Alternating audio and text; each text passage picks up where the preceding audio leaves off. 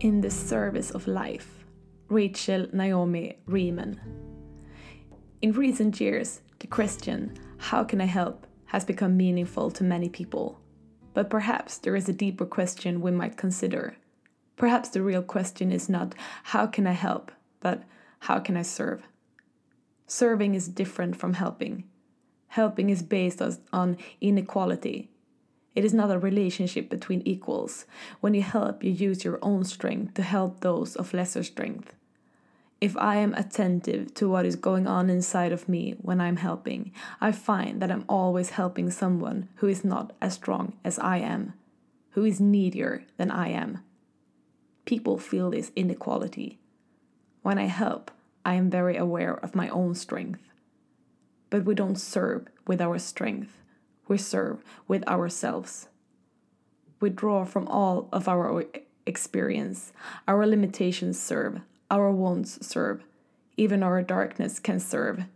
The wholeness in us serves the wholeness in others and the wholeness in life. Service is a relationship between equals. Helping incurs debt. When you help someone, they owe you one. But serving, like healing, is mutual. There is no debt. I am as served as the person I am serving. When I help, I have a feeling of satisfaction. When I serve, I have a feeling of gratitude. There is a, these are very different things. Serving is also different from fixing. When I fix, I perceive a person as broken, and their brokenness requires me to act. When I fix, I do not see the wholeness in the other person. There is a distance between ourselves and whatever or whoever we're fixing. Fixing is a form of judgment. All judgment creates distance, a disconnection, an experience of difference. We cannot serve at a distance. We can only serve that to which we are profoundly connected, that which we are willing to touch. This is Mother Teresa's basic message. We serve life not because it's broken, but because it's holy.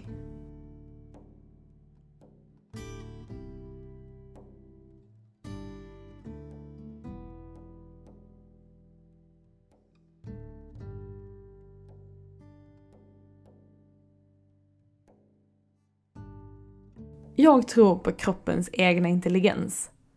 Jag tror att vår kropp är smart, att den är förprogrammerad och att den vill läka. Jag vet att vår kropp alltid strävar efter balans. Jag vet att varje liten cell i vår kropp alltid strävar efter den här balansen. Vår kropp, den strävar efter att upprätthålla rätt temperatur, rätt nivå av våra hormoner, rätt pH, rätt nivå av allting. Jag vet att vår kropp vet precis vad den ska göra. Jag vet också att vårt naturliga stadie är att må bra. Så vad är sjukdom? I en yogisk filosofi så pratar man om sjukdom som obalanser. Att sjukdom är det som skapas i vår kropp när vi inte kan upprätthålla vår egen inre balans. När det har gått så långt och vår kropp har kämpat så länge med att upprätthålla den där balansen att den till slut har fått stora skavsår inuti. Då blir sjukdom manifest. Vår kropp strävar efter balans och den balansen kallas för allostas. Desto mer vår kropp måste kämpa för att upprätthålla den där allostasen, desto större blir den allostatiska laddningen. Och när den allostatiska laddningen blir tillräckligt stor, då blir vi sjuka. Sjukdom manifesteras i kroppen, skador manifesteras. Och egentligen så är det helt logiskt. Vi pratar om samma sak, samma stress, samma obalanser i den västerländska skolmedicinen som den österländska medicinska vetenskapen. Samma sak, men olika termer. Det handlar om hur kroppen fungerar och vad vi behöver för att må bra. Ganska simpelt egentligen. Det handlar ju bara om vår egen kropp och vår kropps egna natur. Så hur kan vi använda oss av detta? Varför pratar vi inte mer om vår egen självläkande förmåga? Och varför använder vi oss inte av kroppens egen självläkande förmåga i vår vanliga västerländska medicin? Det finns ju så mycket som både kan facilitera, men också förhindra den. Eller hur? Fråga dig själv vad du mår bra av. När du mår som bäst. Vad behöver du för att läka? Fråga dig själv vad du behöver. Kan du känna din egen balans? Kan du känna när kroppen mår riktigt bra? Kan du känna när din kropp är balanserad? Och när den arbetar för att upprätthålla balansen? Kan du känna när det skaver inuti? Om du kunde känna när det skaver inuti, vet du då vad du behöver för att komma tillbaka till den där balansen? Eller är du en av många som har lärt dig stänga av? Har du lärt dig kämpa på fast det känns sådär skavigt? Trots att det känns jobbigt har du lärt dig bita ihop? Ta en värktablett och ta itu med arbetet ändå? Säga ja fast du menar nej? Har du blivit matad med idéer och föreställningar om att du ska prestera? Även om den där känslan inuti säger stopp. Att det är okej okay att gå emot dig själv. Att vi ska, borde. Vi har många konstiga idéer för oss. Och med sådana idéer om oss själva och om våra kroppar så är det kanske inte så konstigt att vi blir förvirrade. I en norm där vi tappade kroppen och hamnade i huvudet. För vad händer med en kropp som hela tiden måste arbeta i motstånd? Ett blodtryck som blir för högt, organ som blir för högt påfrestade, ett blodsocker som sätts i svängning, ett immunsystem som är ur balans. Det blir ju skavigt. Det blir skador inuti kroppen. Celler dör, går sönder, läcker ut saker som inte hör hemma i blodbanan och immunsystemet triggas. Det sätts igång och det bildas inflammation. Idag finns det mer och mer forskning som visar att inflammation kan vara en bidragande orsak till de flesta av våra vanligaste välfärdssjukdomar. Och andra sjukdomar, för den delen. Att immunsystemet har en roll vid uppkomst av både depression, kronisk smärta, högt blodtryck, hjärtinfarkt, stroke, sköldkörtelrubbningar, IBS och ja, till och med cancer. Kronisk inflammation gör oss dessutom trötta och hängiga, lättirriterade och sådär allmänt eh, sänkta. Alla möjliga symptom som ibland kan vara svåra att sätta fingret på. Vår västerländska medicin bygger på att fixa, att ordna och att ställa till rätta det som har blivit fel. Vi har ett sjukdomsperspektiv som bygger på att vi vill förstå utreda och diagnostisera. Vi vill hitta en orsak på molekylär nivå, finna läkemedel som är specifika till en enskild rubbning. Vi vill ta bort det sjuka helt enkelt. Den österländska filosofin bygger istället på det friska. Där hjälper man istället kroppen på traven, faciliterar läkning och låter kroppen reda ut obalanserna själv utan att lägga så himla mycket fokus på varifrån de kommer. Egentligen är det inte två system som står emot varandra. Inte alls. Vi bara angriper samma problem från två olika håll. Jag säger inte heller att det ena är sämre och det andra är bättre. Däremot, om vi skulle använda oss av båda perspektiven samtidigt så skapar vi synergi. Två plus två blir fem. Vad händer om vi ändrar perspektivet? Vi leker med tanken. Vad händer med oss om vi väljer att se det friska istället för det sjuka? Om vi stärker det som är bra istället för att ta bort det som är dåligt? Alla vet potentialen med tankens kraft. Alla vet att vi blir det vi fokuserar på. Vi vet att vi kan tänka oss sjuka. Kan vi då också tänka oss friska? Med det menar jag inte bara själva tankarna, men också vår inställning, hela vårt mindset. Kan vi ge oss själva rätt förutsättningar och omständigheter för att boosta kroppens egen intelligens och förmåga? Vad är egentligen placebo? Placebo sitter inte bara i huvudet. Placebo är inte bara att man tror att man har fått en behandling och känner sig bättre efter den. Vid placebo blir faktiskt kroppen frisk. På riktigt. Den läker sig själv utan behandling. På riktigt. Någonting i kroppen är alltså programmerat till läkning. Och om vi bara tror tillräckligt mycket på att vi har fått rätt medicin eller rätt behandling, är inte det ganska magiskt? Men när tappade vi den tilltron? Det finns många läkare och forskare som har valt att studera den självläkande förmågan och placebo. Lisa Rankin, en av mina stora idoler, är en av dem. Och hon berättade om ett lysande exempel i sitt TED-talk för ett par år sedan som jag aldrig glömmer. Och som ändrade min syn på hur jag ser på kroppen och vår läkande förmåga. Hur vi programmeras till att förminska vår egen kropp redan som barn. När vi slår oss och skrapar upp ett knä och får ett plåster. Och vi lär oss redan som barn att vi behöver det där plåstret för att kroppen ska bli hel igen. Inte att kroppen tar itu med läkningen på egen hand.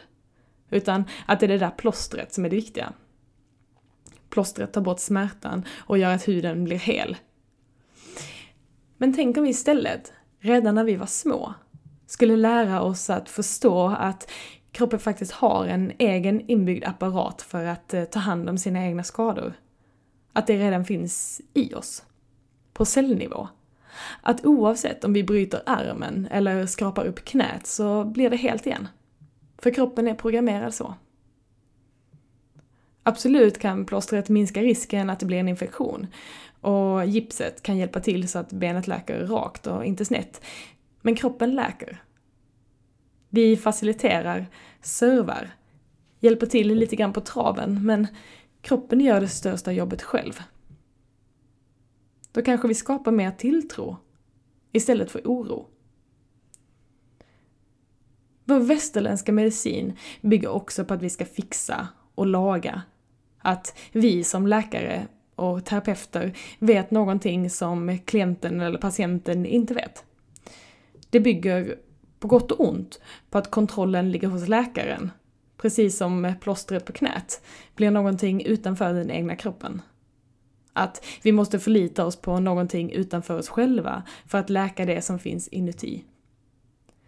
Det är inte fel. Mediciner är magiska. Kirurgiska ingrepp absolut nödvändiga i många fall och läkaren vet, eftersom den har studerat och pluggat decenniers medicinska vetenskaper som inte är meningen att eh, alla ska kunna. Jag säger inte att vi skulle ha en vård utan mediciner och kirurgiska ingrepp, men jag leker med tanken. Hur mycket vi skulle kunna sänka medicindoser och hur många ingrepp vi skulle kunna slippa om vi arbetade lite mer med kroppen istället för mot den. Jag leker med tanken att allting vi gör skulle kunna bli så mycket mer kraftfullt om vi bara gör det på rätt sätt. Och inte glömmer hur fantastiskt magisk vår kropp faktiskt är. Terapi är någonting som är större än bara ett piller eller ett ingrepp. Och makten borde alltid ligga inuti kroppen, inte utanför. Om terapi ska leda till effekter som blir bestående över tid behöver vi ändra på någonting från grunden. Det räcker inte bara med att lägga till eller ta bort det som är sjukt i stunden. Men också finna orsaken till vad det var som skapade den där obalansen från början. Att ändra beteende, ändra tankar, ändra mönster som har försatt kroppen i den obalansen som den inte själv kan reda ut. Kanske är det mediciner eller ingrepp som är det nödvändigaste i starten. Men för att resultat ska bli långsiktiga så behöver vi kanske titta på någonting mer. Vi kanske också måste göra någonting, ta till andra metoder för att inte bli sjuka igen. Här kommer livsstilen in. Föreställningarna vi har om vår egen kropp. Det som skapade obalansen från början. Jag leker med tanken igen att vi inte bara skulle skriva ut mediciner på recept. Men kanske också saker och ting vi vet att vi mår bra av. Inte bara träning och inte bara hälsosam mat, men också lugn och ro, vila, återhämtning, balans, natur, goda relationer, kärlek och närhet, skratt och glädje. Något lite mer livsbejakande och friskt. Alla typer av metoder som gör att vi kommer lite närmare oss själva. Hittar tillbaka till kroppen. Och som minskar det där skavet. Sådant som gör att vi hittar tillbaka till vår egen inre kärna. Och vår egen känsla för balans. Alla typer av metoder som gör att vi blir bättre på att reglera oss själva så att vi lär oss vad vi behöver för att må bra. På riktigt. Jag tror på fysisk aktivitet. Det är bra. Det finns otroligt mycket forskning som visar hur bra vi faktiskt mår av att röra på oss. Jag säger inte emot den. Men det finns också en viss hälsostress. En stress som kan oroa mig. En stress som skapas i det där jag borde. Ideal om hur ett hälsosamt liv borde se ut. Hur hälsosam är den hälsosamma livsstilen?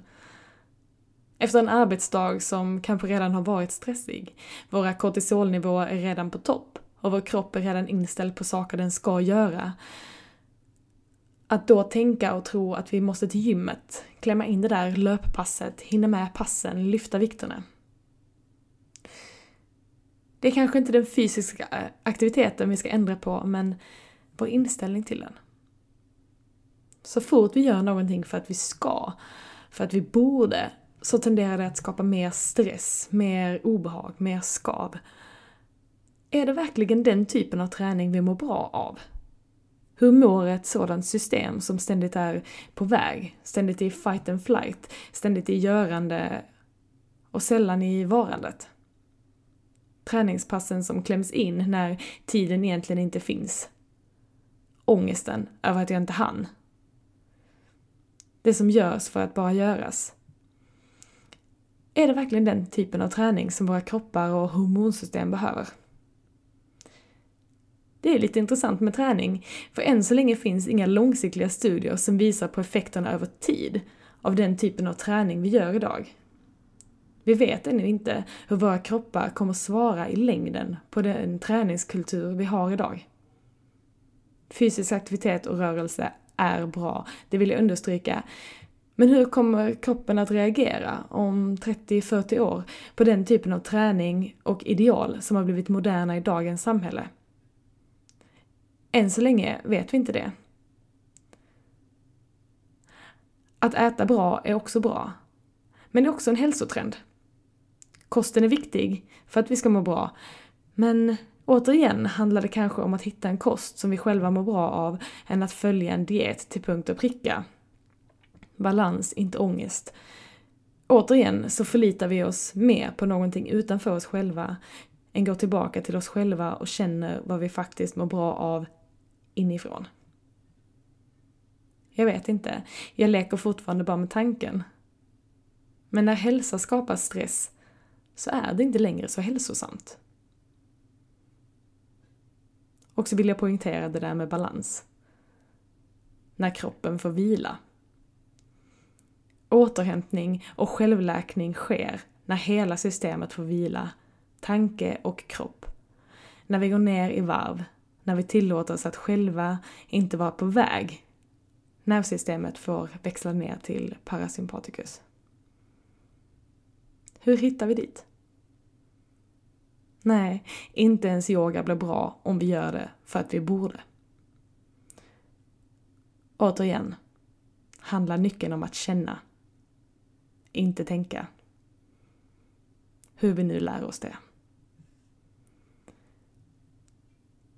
En kropp som är i balans vill läka. En kropp som lär sig att reglera sig själv vet alltid vad den själv behöver. Och om vi bara får förutsättningarna så kanske kroppen kan göra resten. Här kommer skillnaden på att manipulera och facilitera ett system. Vi manipulerar genom läkemedel, Vi manipulerar genom att gå in och styra och ställa. Vi manipulerar genom att ta över, genom att ta kontrollen från den som ska hjälpas. Det är nödvändigt i vissa fall. Ett kirurgiskt ingrepp är alltid att manipulera. De flesta läkemedel också. Men vad händer om vi som terapeuter istället faciliterar? Och vad är skillnaden? Att facilitera handlar inte om att gå in och styra och ställa i en process, utan istället ställa sig utanför. Bana vägen för att processen ska kunna ske av sig själv. Att ge rätt förutsättningar och rätt omständigheter för att en person ska hjälpa sig själv. Jag ger verktygen, men låter individen bygga sitt eget hus. Det som händer då är att kraften får ligga hos individen själv, att styrkan måste komma inifrån. Att tilliten måste ligga hos individen och inte till någonting utanför.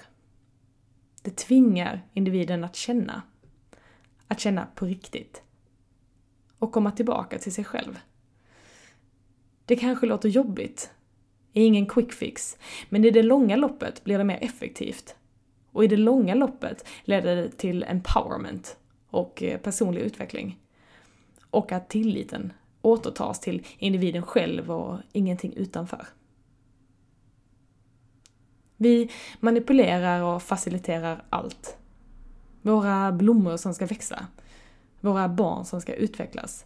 En student som ska lära sig något. Alla typer av lärande och läkanden. Det är alltid en maktbalans. Det handlar alltid om tillit. Men jag tror att de absolut kraftfullaste processerna är de som sker när kraften får ligga hos individen själv. Och jag tror att i rätt förhållande och med rätt omständigheter så bygger vi också de mest starka personerna och kropparna. Där var och en lär sig känna in och där var och en lär sig ta ansvar för sig själv. Så hur kan vi som terapeuter facilitera mer och manipulera mindre? Och framförallt, hur kan vi lära oss när vi behöver manipulera och när vi istället ska ta ett kliv tillbaka och facilitera istället? Framförallt, hur kan vi kombinera de här två egenskaperna för att skapa det bästa? En individ som aldrig någonsin har mått bra, eller för den delen, varit med om ett trauma som gör att kopplingen till kroppen har blivit påverkad. En kropp som inte har fått lära sig att känna har också svårt att lita på sina egna signaler. Och det blir väldigt svårt att reglera sig själv. Därför tror jag att någonting som är nödvändigt i all typ av läkning är att hjälpa en individ att känna efter själv och att lära en individ att bli trygg i det. Hjälpa till att hitta balansen igen. Och sen ge den här individen alla typer av verktyg den kan tänka sig att behöva för att lära sig att reglera sig själv genom rörelse, andning, mat, vila, relationer, att lära känna skillnaden på positiv och negativ stress. Men framförallt, lära känna hur det känns att må bra på riktigt. Jag tror också att det finns något extremt värdefullt i att låta barn och unga få känna hur det känns att må bra inifrån. Att låta barn och unga få utforska själva. Och att tidigt i livet hitta sina egna inre verktyg för att må bra, istället för att hitta dem utifrån yogan och dansen, meditationen. Hellre än Facebook, Instagram och Snapchat. Framförallt en lekfullhet, ett utforskande, en öppenhet och en nyfikenhet. Att låta sig vara kvar i förundran och att låta var och en gå utanför den normala boxen för att hitta in i sig själva. I trygghet och tillit och acceptans. Ärlighet och autenticitet. Och tillåtelse inom ramarna. Jag slås ofta över att man faktiskt ser långsiktiga resultat i studier som handlar om embodiment och andra typer av kroppsterapier, där man fokuserar på att öka kroppsmedvetenhet, än andra typer av terapier. Det behövs självklart mer forskning och jag eh, är försiktig med att dra några slutsatser. Men en teori, åtminstone jag har, är att om vi kan ändra vårt beteende och våra tankar och istället sätta oss själva i en mer positiv riktning i livet så får vi mer bestående resultat. Vi lär oss hur vi ska leva, helt enkelt. Och då håller vi oss friska på ett annat sätt än om tilliten ligger hos en annan typ av terapi eller terapeut som, blir, som vi blir beroende av. Bestående resultat kräver alltid en beteendeförändring. Det kräver att vi tar med oss yogan och andra lärdomar och insikter ut i livet. Inte bara låta dem fastna på yogamattan eller i terapirummet. Och det som jag tror är speciellt med yogan är att det övar upp förmågan att lära känna sig själv. Det övar upp vår egen känsla för vår egen kropp och det lär oss att hitta balans. Yoga handlar inte om att följa ett speciellt mönster, men att lära oss att hitta vårt eget. Det övar upp vår finkänslighet. Och då kommer vi närmare vår egen sanning.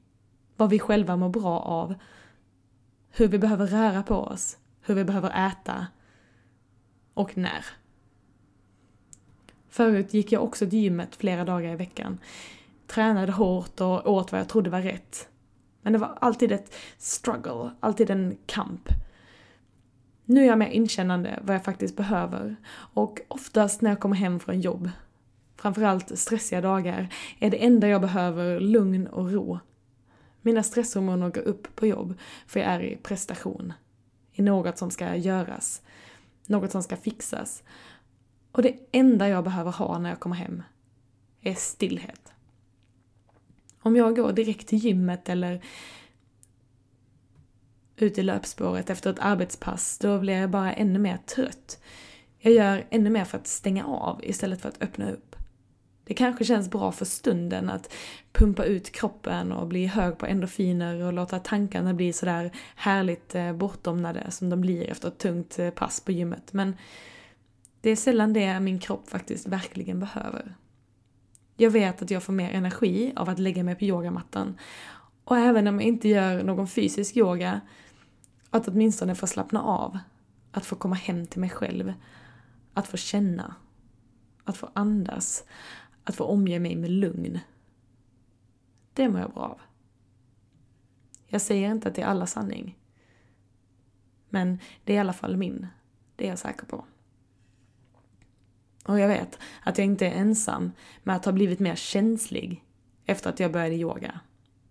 Jag vet många, många som skulle skriva under på det.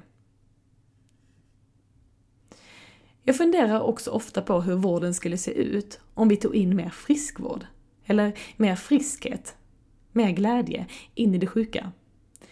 Om vi på sjukhuset kunde skapa en miljö som faciliterar läkning en miljö som bygger mer på glädje, på naturlighet, på samvaro och gemenskap. Om vi skulle ta in mer av det på våra vårdavdelningar. Om vi kunde ta ut våra patienter i naturen. Ge dem njutning och skratt och påminna om att kroppens egen självläkande förmåga. Massera. Beröra. Ha humor, glädje, meningsfullaktighet, delaktighet. Och hur skulle vården se ut då? Hur skulle vården se ut om vi istället för sjukhus hade friska hus? Läkandets hus. Om vi istället för PM som fokuserar på olika sjukdomstillstånd skulle gå efter patienternas egna behov, vad de behöver för att må bra. Och om vi tillsammans med att bekämpa det sjuka skulle fokusera på att stärka det friska, vilka resultat skulle vi då få? Och hur skulle det se ut i det långa loppet? Det är åtminstone det jag som läkare skulle vilja jobba med. Och jag är ganska övertygad om att jag inte är ensam med att känna så. Det finns en viss sorg i mig att jag i fem och ett halvt år har fått lära mig allt om hur sjukdom uppstår och hur vi botar den med medicin, men nästan ingenting om hur kroppen läker sig själv och hur den gör för att hålla sig frisk. Trots att det finns så mycket forskning på det. Jag skulle vilja utvidga begreppet holistisk medicin och hälsosam livsstil till att inte bara handla om det vi tror att vi måste göra med mat och träning, utan att faktiskt också handla om självkännedom. Att vi gör begreppet vidare. Att vi också börjar titta på relationer. Inställning, livsåskådning, tankar, beteende, filosofi, meningsfullhet och glädje, njutning, allt det viktigaste att vi börjar se till våra egna behov. Och att vi inte glömmer kroppens egna intelligens och förmågor. Att vi fördelar makten jämnt och att vi fortsätter att uppmuntra varandra till att hitta våra egna svar. Så att vi minskar på det där skavet. Så att vi minskar på de där sjukdomsframkvallande obalanserna inuti. Så vi lever mer i samklang, mindre i motstånd. Jag vet att vi har kunskapen, men jag tror att vi måste ändra vårt förhållningssätt till den. Jag tror att vi måste börja se till det friska, det vi har, istället för det vi inte har. Och jag tror att vi måste börja se över våra maktförhållanden. Se upp till varandra, istället för ner. Återigen, vår kropp är magisk. Och den är programmerad efter läkning. Den är programmerad efter balans, och den gör allt den kan, hela tiden, för att du ska må bra. När den är i balans så belönas du med härliga molekyler, serotonin och dopamin och oxytocin. I nivåer som gör att du känner njutning, motivation, glädje, inspiration och pepp. När du inte är i balans, då höjs ditt kortisol och andra hormoner som gör att livet känns sådär skavigt inget annat än en signal på att det du behöver är någonting annat. Och om du börjar lyssna, om du börjar hitta din egen självreglerande förmåga och lär dig att reglera dig själv, så kommer de hormonerna att minska. Ångesten blir mindre. Skavet också. Den där känslan av obehag, den där känslan av att någonting är fel. Då kommer du att bli mindre trött.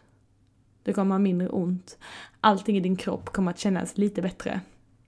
Livet blir lite ljusare. Och du kommer att sända ut lite mer av den där härliga energin till världen utanför. Utan att behöva tillföra någonting annat än det du redan har inuti. Det är åtminstone min starka filosofi. Jag avslutar med ännu lite mer av texten från Rachel Naomi Riemann.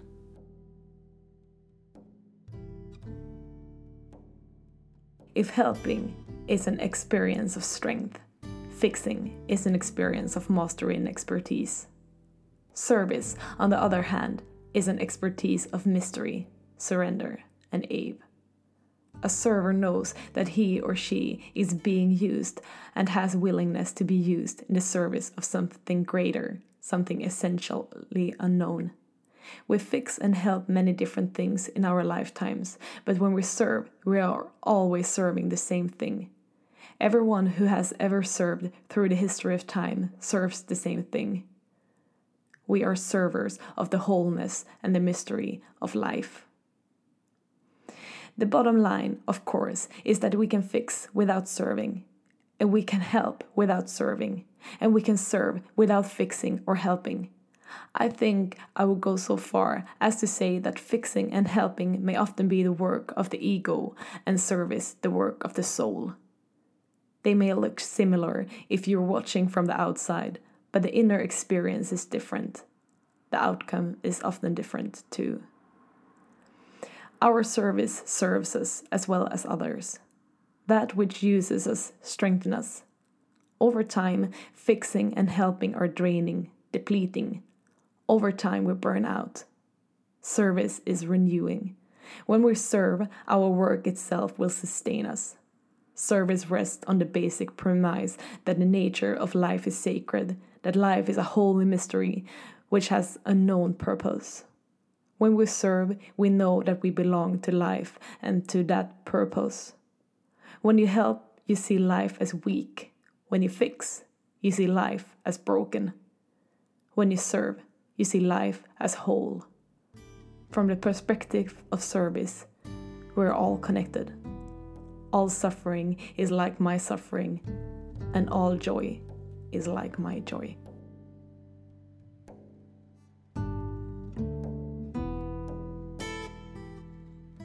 Hejsan, där Johan, producent på Yogadoktorn och först skulle jag vilja tacka yogobi.com som har sponsrat det här avsnittet och ett litet tips från oss här är att kolla in deras hemsida där man kan streama alla möjliga typer av olika yogaklasser. Och om du skulle få för dig att registrera dig så kan du använda bonuskoden yogadoktorn och då får du en månad gratis av deras tjänster.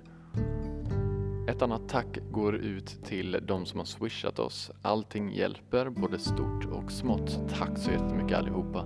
Och vill du också bidra till Yogadoktorn så kan du göra det på swish nummer 123 21 42 883 och det här numret finns som vanligt i informationsfältet där du lyssnar på vår podcast. Och tack så mycket till dig för att du har lyssnat på det här avsnittet av Yogadoktorn.